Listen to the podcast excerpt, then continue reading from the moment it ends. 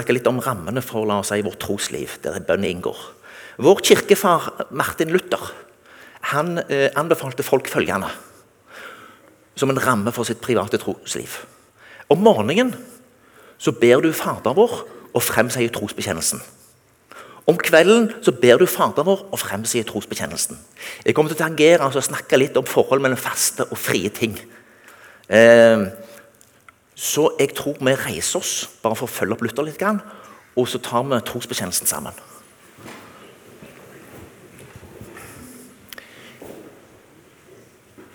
Jeg tror på Gud Fader, den allmektige, himmelens og jordens skaper. Jeg tror på Jesus Kristus, Guds enbårne Sønn, vår Herre, som ble unnfanget ved Den hellige ånd, født av jomfru Maria, pint under Pontius Pilatus, korsfestet, død og begravet, for ned til dødsriket, sto opp fra de døde tredje dag, for opp til himmelen, sitter ved Guds den allmektige Faders høyre hånd, skal derfra komme igjen for å dømme levende og døde. Jeg tror på Den hellige ånd, en hellig allmenn kirke, de hellige samfunn, syndenes forlatelse, legemets oppstandelse og det evige liv. Amen.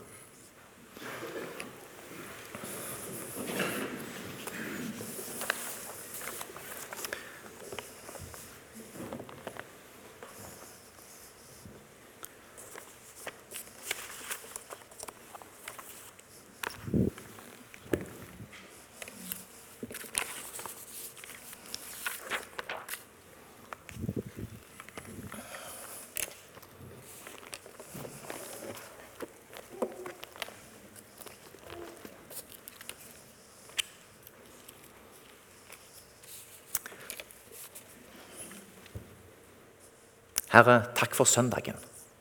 Takk for anledningen til å komme sammen. Herre, jeg ber for hver enkelt som har kommet hit i dag.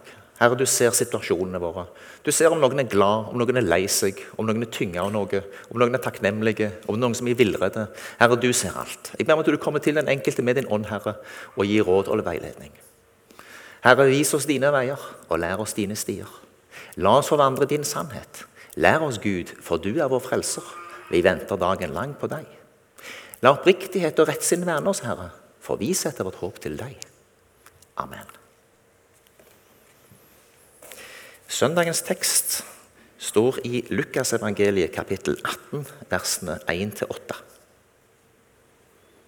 Overskriften i min bibel er 'Enken og dommeren'. Han fortalte dem en lignelse om at vi alltid skulle be og ikke gi opp. I en by var det en dommer som ikke fryktet Gud og ikke tok hensyn til noe menneske. I samme by var det en enke som stadig på ny kom til ham og sa:" Hjelp meg mot min motpart, så jeg kan få min rett. Lenge ville han ikke, men til slutt sa han til seg selv:" Enda jeg verken frykter Gud eller tar hensyn til noe menneske, får jeg hjelpe denne enken til hennes rett, slik som hun plager meg. Ellers ender det vel med at hun flyr like i synet på meg. Og Herren sa, hør hva denne uhederlige dommeren sier. Skulle så ikke Gud hjelpe sine utvalgte til deres rett, de som roper til ham dag og natt? Er han sen til å hjelpe dem? Jeg sier dere, han skal sørge for at de får sin rett, og det snart. Men når Menneskesønnen kommer, vil han da finne troen på jorden?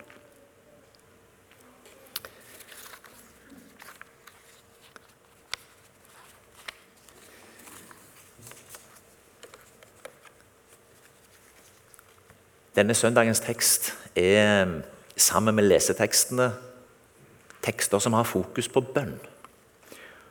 Og vi ser litt videre på eh, leseteksten fra Jeremia 29, 12-14a. Når dere kaller på meg og kommer til meg med deres bønner, vil jeg høre på dere. Når dere søker meg, skal dere finne meg. Ja, søker dere meg av et helt hjerte, la jeg dere finne meg, sier Herren. Den siste leseteksten står i 1. Johannes brev, kapittel 5, versene 13-15. Dette har jeg skrevet til dere for at dere skal vite at dere har evig liv, dere som tror på Guds sønns navn.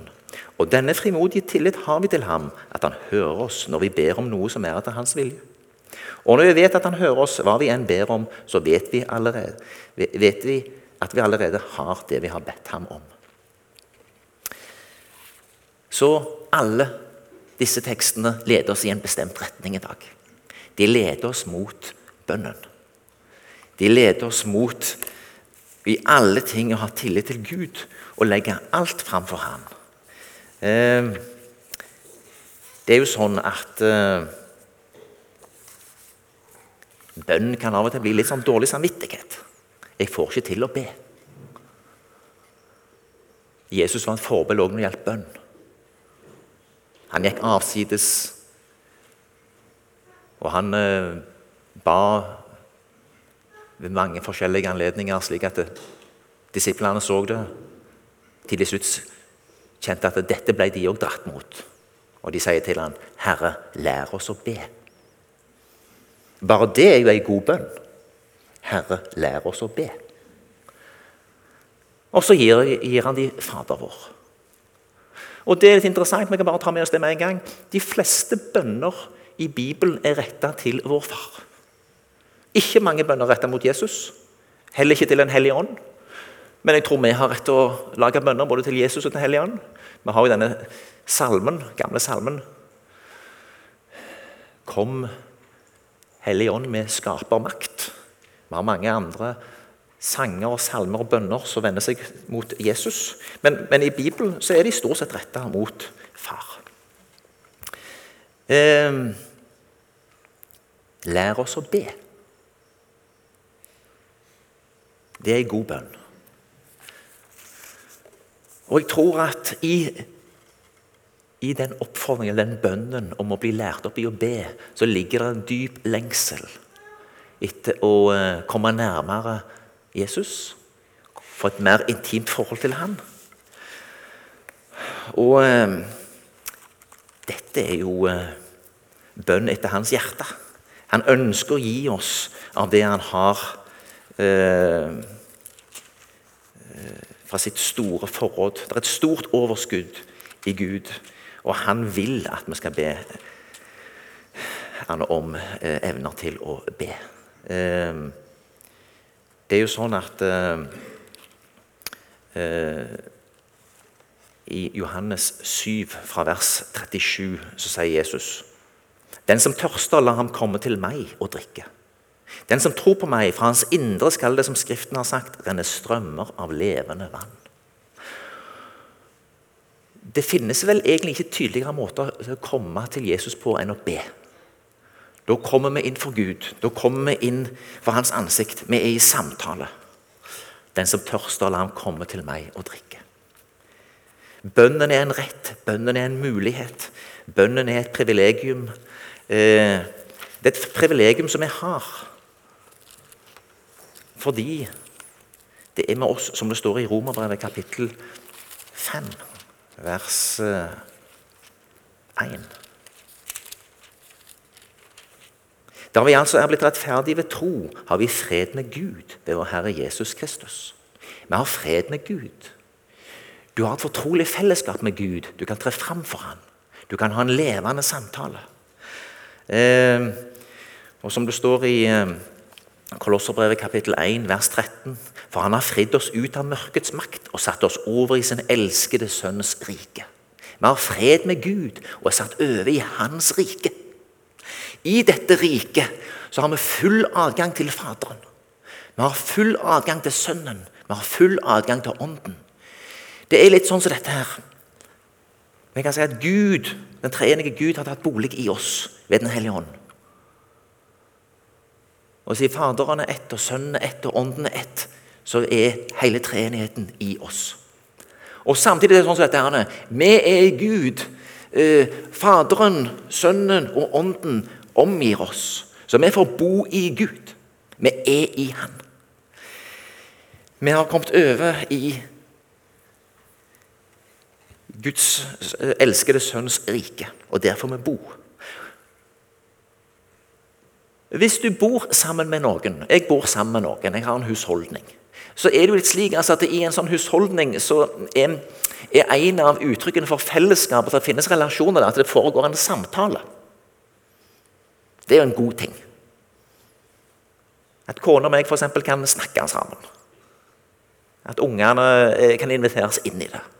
En, en viktig del av relasjonen er samtalen, dialogen som pågår. Det er løye å bo sammen med en husholdning med andre mennesker og hvis det er helt taust. Så samtalen er en del av greia. I den lutherske sammenheng så har eh, det ofte blitt litt intellektualisert. Lutheranerne måtte veldig tidlig forsvare troen sin overfor katolikkene. De lagde en apologi, et trosforsvar, som ble selve, selve grunnlaget for eh, den lutherske lære. Eh, og eh, det finnes tendenser i lutherdommen til at vi intellektualiserer og lager oss tanker om tro.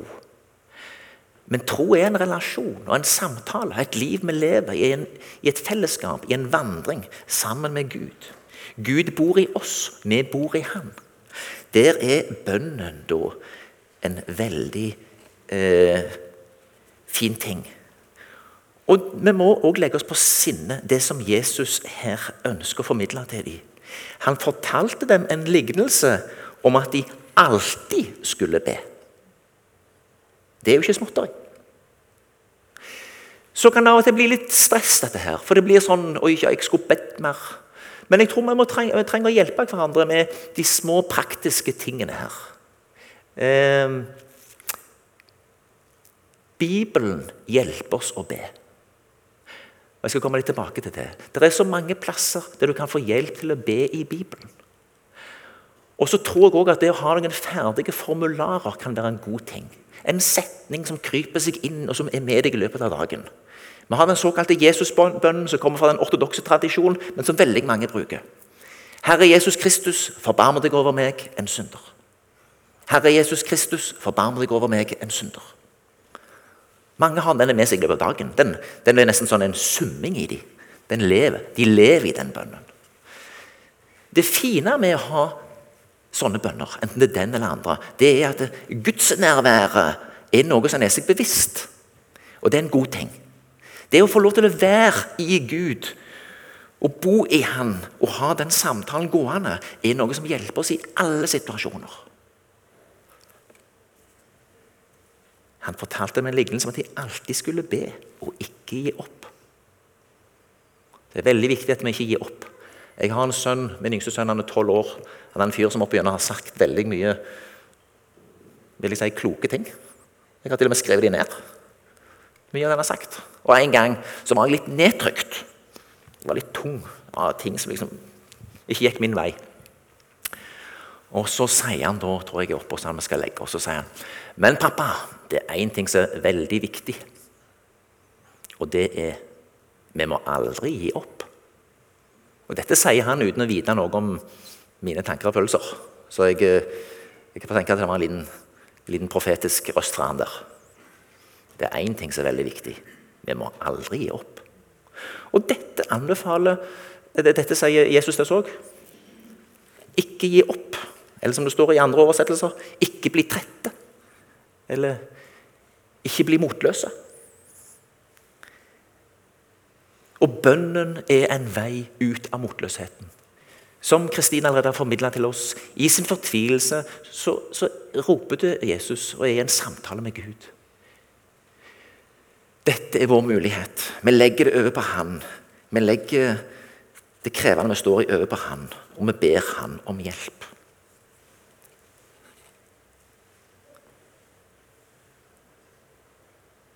Denne uhederlige dommeren velger å hjelpe denne enka fordi hun maser.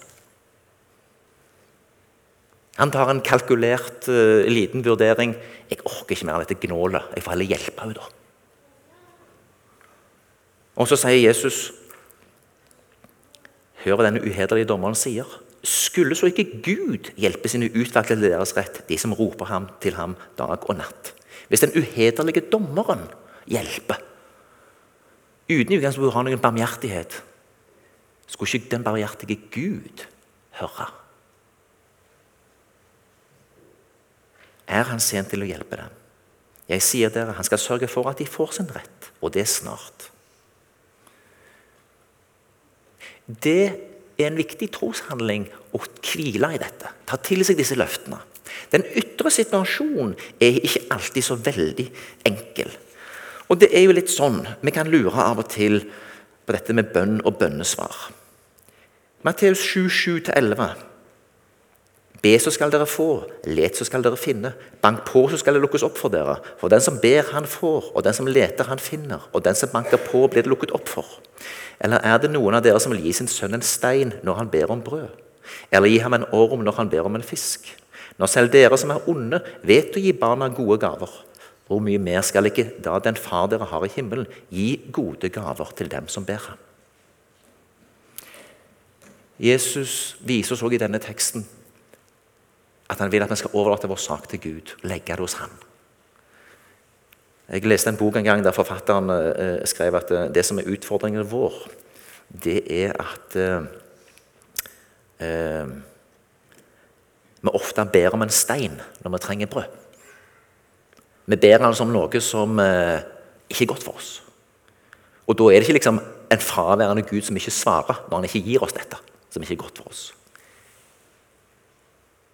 Og det kan være alle bønner av typen eh, 'ta fra meg alle problemer og gjør meg rik og lykkelig'. Ikke alltid, ikke alltid blir bedre mennesker av det. Uh, uh, vellykkethet kan være veldig farlig. Den kan drive oss inn i likegyldigheten og hovmodet. Uh, Jesus trenger ikke sånne disipler som er likegyldige og hovmodige. Han trenger disipler som er barmhjertige og som bryr seg, som selv har erfart livet, som har erfart at det å legge alt i Herrens hånd er det beste og som har erfart at løftene holder, midt i det som ser strevsomt ut. Det er det disippellivet han ønsker for oss, og det er det han ønsker vi skal kalle andre inn i. Ikke i lettvinthetene, ikke i den polerte, vestlige lykken der eh, Jesus og et liv i Gud blir liksom bare en slags krem på toppen. Nei, han møter oss akkurat der vi er. I de krevende situasjonene som livet gir oss. Vi lever i en fallen verden. De ytre omstendigheter har vi ikke alltid kontroll over. Vi må ha et realistisk bilde av at både onde ting, meningsløse ting, kan ramme oss. Men midt i dette så er Gud. Og Erfaringen for mange av oss er at det, det finnes et håp, det finnes en vei for den som overlater sin sak til Gud. Det som så tungt ut, ble til en velsignelse. Og vi kan sjøl få være en velsignelse og hjelpe med de som har det tøft. Rett og slett fordi vi har gått en vei sjøl. Og så tror jeg også vi skal ha det med oss at Gud kommer også til oss i krisen. Jeg tar meg ofte i at jeg glemmer så fort de krisene han har redda meg ut av før. At det ikke blir til tro. At det ikke blir til mer optimisme på bønnens vegne. Men at jeg nok en gang kommer ned i fortvilelsen. Eh, vi ser det i ørkenvandringen i, eh, etter utvandringen fra Egypt, med israelsfolket. Det er rart å se hvor fort de faller ned i surmulinger, og de klager til Moses, og Moses klager på vegne av folket til Gud. Og stadig er det nye ting.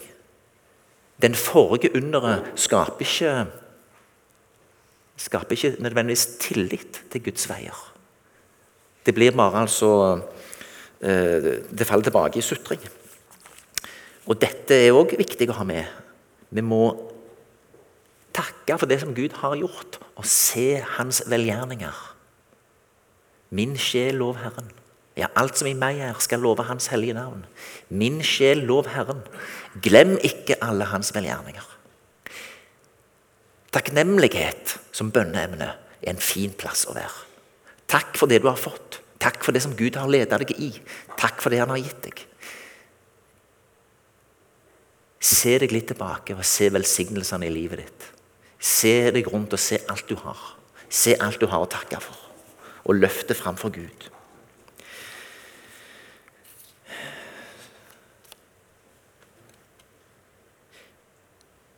Hvordan kan bønn se ut i ditt personlige bønneliv? Jeg tror at vår kirkefar Luther gjør rett når han anbefaler oss noen faste rammer. Han anbefaler oss å be Fader vår og fremsi trosbekjennelsen trosbekjennelse på morgenen. og Han ber oss be Fader vår og fremsi trosbekjennelsen om kvelden. Som et eksempel på en fast ramme. Bibelen hjelper oss inn i bønn. Særlig vil jeg hinte til bruk av salmene. Tidligere var det veldig vanlig å ha et Nytestament der salmen var en egen del. Eh, jeg vet ikke om de selger sånne Nytestamenter lenger. Det var Nytestamentet og salmene. Salmene er fantastiske. Salmene gir deg et bønnespråk. Sannheten er at Gud vet godt at du ikke har ord. Derfor har han gitt oss ordet. Og han har gitt oss ordet, En viktig del med ordet er at du faktisk kan bruke det i bønn. Vi må passe oss at vi ikke reduserer ordet til et intellektualisert læremateriale som vi bare tenker rundt. Nei, vi har, vi har fått ordet for at vi skal be det. De ordene som står der, skal vi kunne ta til oss som bønner. Og salmene er de mest åpenbare. Salme 103, Salme 25 det er de to bønnene jeg har lært meg utenat, og som jeg tør si at jeg de fleste dager ber. På morgenen bøyer mine knær ber Salme 103. I løpet av dagen så bøyer mine knær ber Salme 25. Jeg sier ikke dette for å vise eh, hvor veldig eh, hellig jeg er. Eh, jeg må nesten beskjemme seg at jeg burde bedt mye mer. Jeg er tross alt betalt for å være kristen. I motsetning til de fleste andre som sier ikke det. Dere kunne klage på meg at jeg burde bedt mye mer. Eh, men det vil jeg også si, det er et, det er et privilegium eh, som, som eh, jeg gjerne vil anbefale dere eh, å, å, komme inn i en tjeneste. Eh, der du får lov til å, å, å virkelig eh, fordype deg i, i, ord og bønnen. Det som står i Apostlenes gjerninger kapittel 6, kan settes på sporet her. Hva er det disiplene skulle prioritere å bruke tid på? De kom inn i en situasjon der at etter pinsedag, etter de første store vekkelsene, der mange hadde blitt, kommet til tro, så begynner det å bli krangel. Er det ikke sånn det er? Tenk om vi bare kunne vært i vekkelsen, dere. Tenk om vi bare kunne vært i de store helligånderfaringene. Plutselig var det en del praktiske ting som skulle ryddes opp i. Det hadde de begynt å dele ut mat. Det ble et krangel mellom de gresktalende og hebraisktalende enkene om utdeling av mat. Noen fikk for mye, andre fikk for lite, mente de. Disiplene ser nå Hmm. Her må vi begynne å delegere. Her må vi ha struktur og orden. De sier det ville være galt om vi forsømte forkynnelsen av Guds ord for å ta oss utdeling av mat. Og så velger de seg noen eh, gode folk, syv menn, som tar seg av den oppgaven. Og så sier de videre Men vi skal vie oss til bønnen og ordets tjenester. Så når de skulle vie seg til forkynnelsen, så var det ikke at de bare skulle forkynne. De skulle vie seg til bønnen og ordets tjeneste.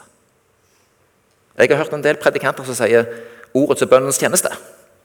Det syns jeg er litt interessant, at det blir den rekkefølgen. Men det er motsatt. Det er bønnen og ordet. Og Det tror jeg er viktig å huske. For jeg tror ofte forkynnelsen begynner i bønn. Og... Eh,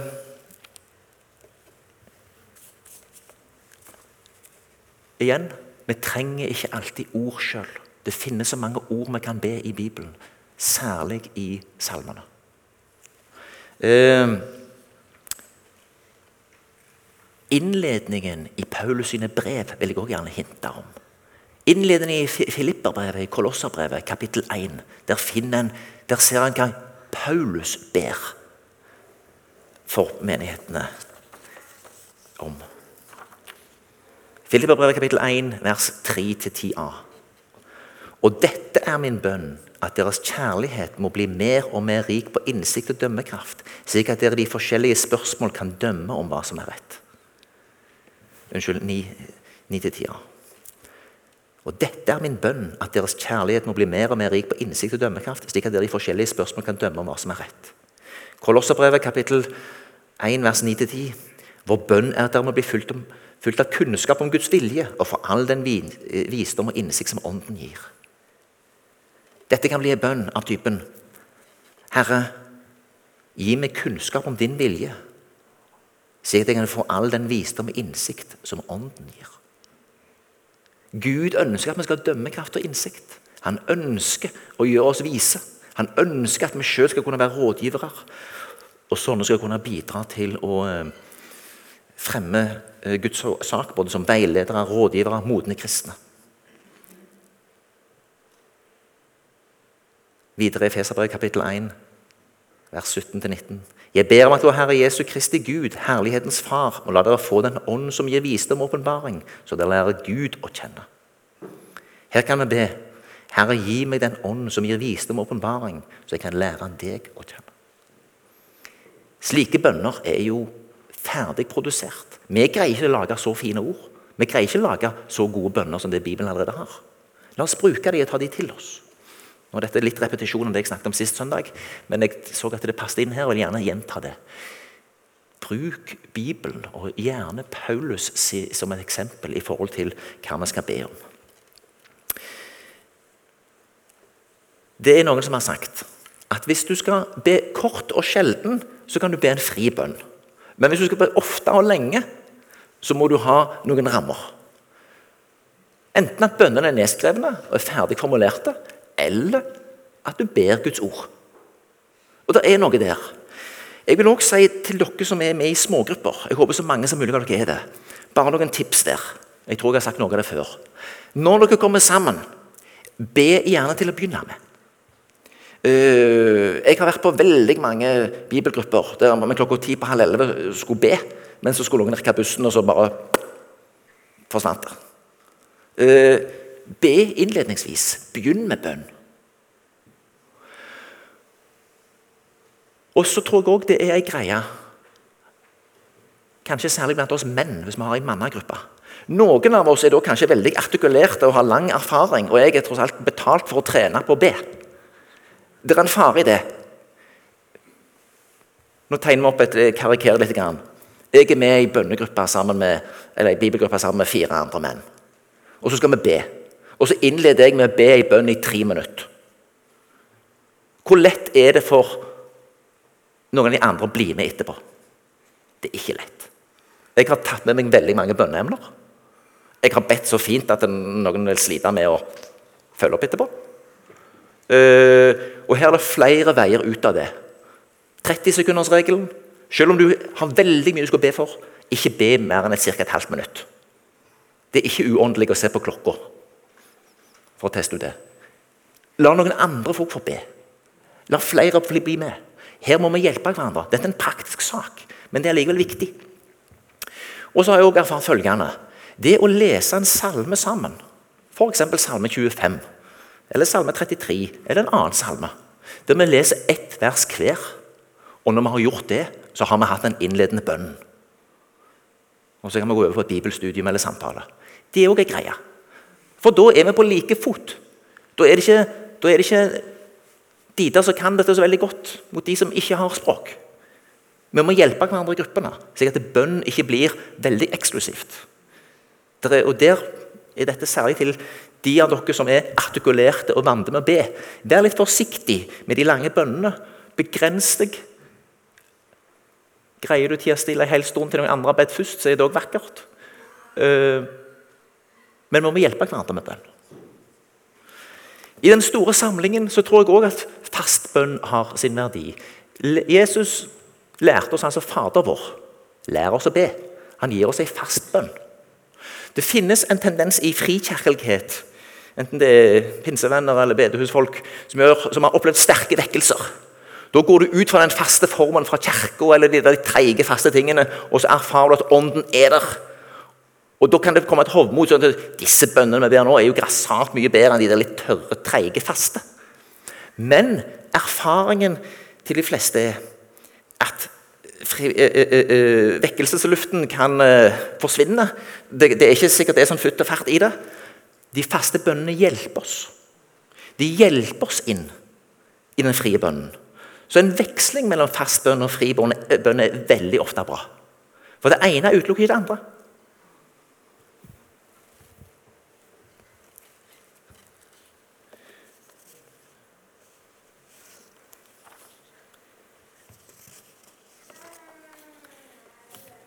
Så må vi ta med følgende bønn er en del av en åndelig kamp.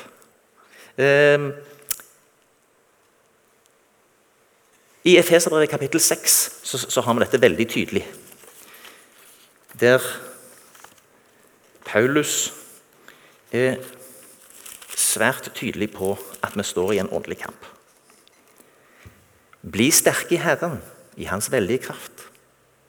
Ta på Guds fulle rustning, så dere kan holde stand mot djevelens lumske angrep. For vi har ikke en kamp mot kjøtt og blod, men mot makter og myndigheter, mot verden hersker dette ø, ø, mørket. Mot ondskapens ånde her i himmelriket. Og så, og så kommer Paulus med en god del eksempler på at vi skal ta på oss Guds fulle rustning. Og Her er det troens skjold og åndens sverd, som er Guds ord. Og flere andre ting. Og så skal vi forske veldig mye på det. Men av og til virker det som at vi stopper liksom når vi har lest liksom hva, hva, hva rustningen er. Men det som er veldig viktig å ta med seg, det er at etter han har konkretisert denne, hvordan denne rustningen ser ut, fra vers 18 i kapittel 6, gjør dette i bønn og legger alt fram for Gud. Be til enhver tid i ånden. Våg å holde ut i bønn for alle de hellige. Og videre be for meg. Den rustningen som vi skal ta på oss, er de konkrete tingene knytta til troens skjold og åndens sverd, som er Guds ord, og en del andre ting. Men alt dette skjer i en ramme av bønn. Derfor er det å be både foran og etter på en har talt eller samtalt eller lest Guds ord, gode ting. Igjen, vi er tilbake til, eh, til det som Jesus sier. Han fortalte med lignende som at de alltid skulle be, og ikke gi opp. Så bønnen er selve dialogen og samtalen som alltid er der. Og kan bønnen bli ut fra Guds ord? Kan bønnen bli at vi får ta til oss Guds ord og gjøre bibelordet til vårt bønnespråk, så er det òg en fin ting. Og Her er det mange rike skatter å hente. Jeg nevnte før jeg begynte å tale, at vi hadde hatt en bydelsbønnevandring her i Stavanger torsdag 11. mai. Og Der hadde vi noen bønner, eller noen bibeltekster, som, eh, som lå grunnlaget for det som vi holdt på med. Første time 2, 1-3. Og nå formaner jeg dere framfor alt å bære fram bønner og påkallelse, forbønner og takk for alle mennesker.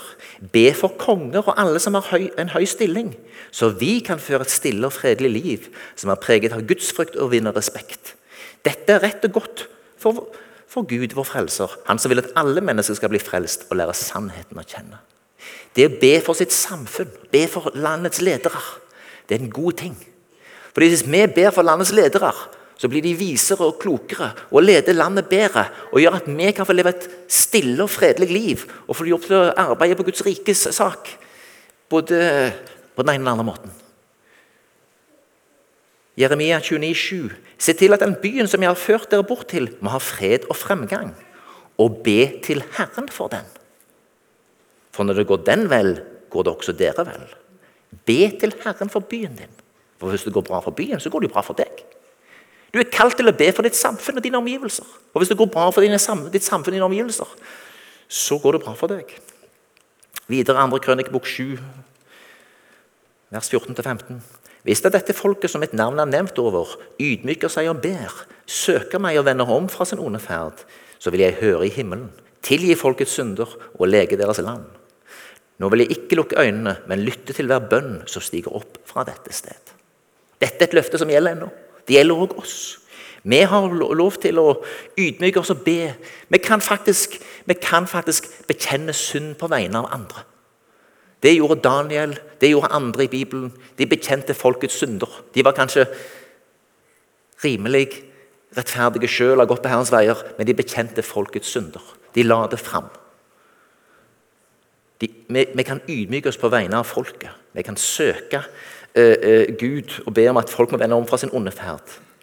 Og så sier Gud, så vil jeg høre i himmelen, tilgi folkets synder og lege deres land. Nå vil jeg ikke lukke øynene, men lytte til hver bønn som stiger opp fra dette sted. Igjen Jesus ber oss om å være i bønn. Han sier at de alltid skulle be. Vi har mange muligheter. Vi har fått Guds ord, som rikelig hjelper oss til ord.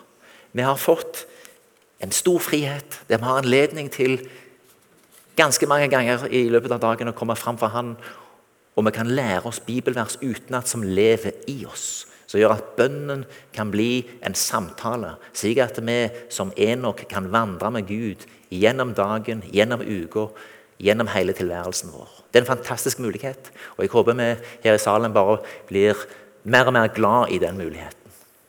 Herre, lær oss å be. Amen.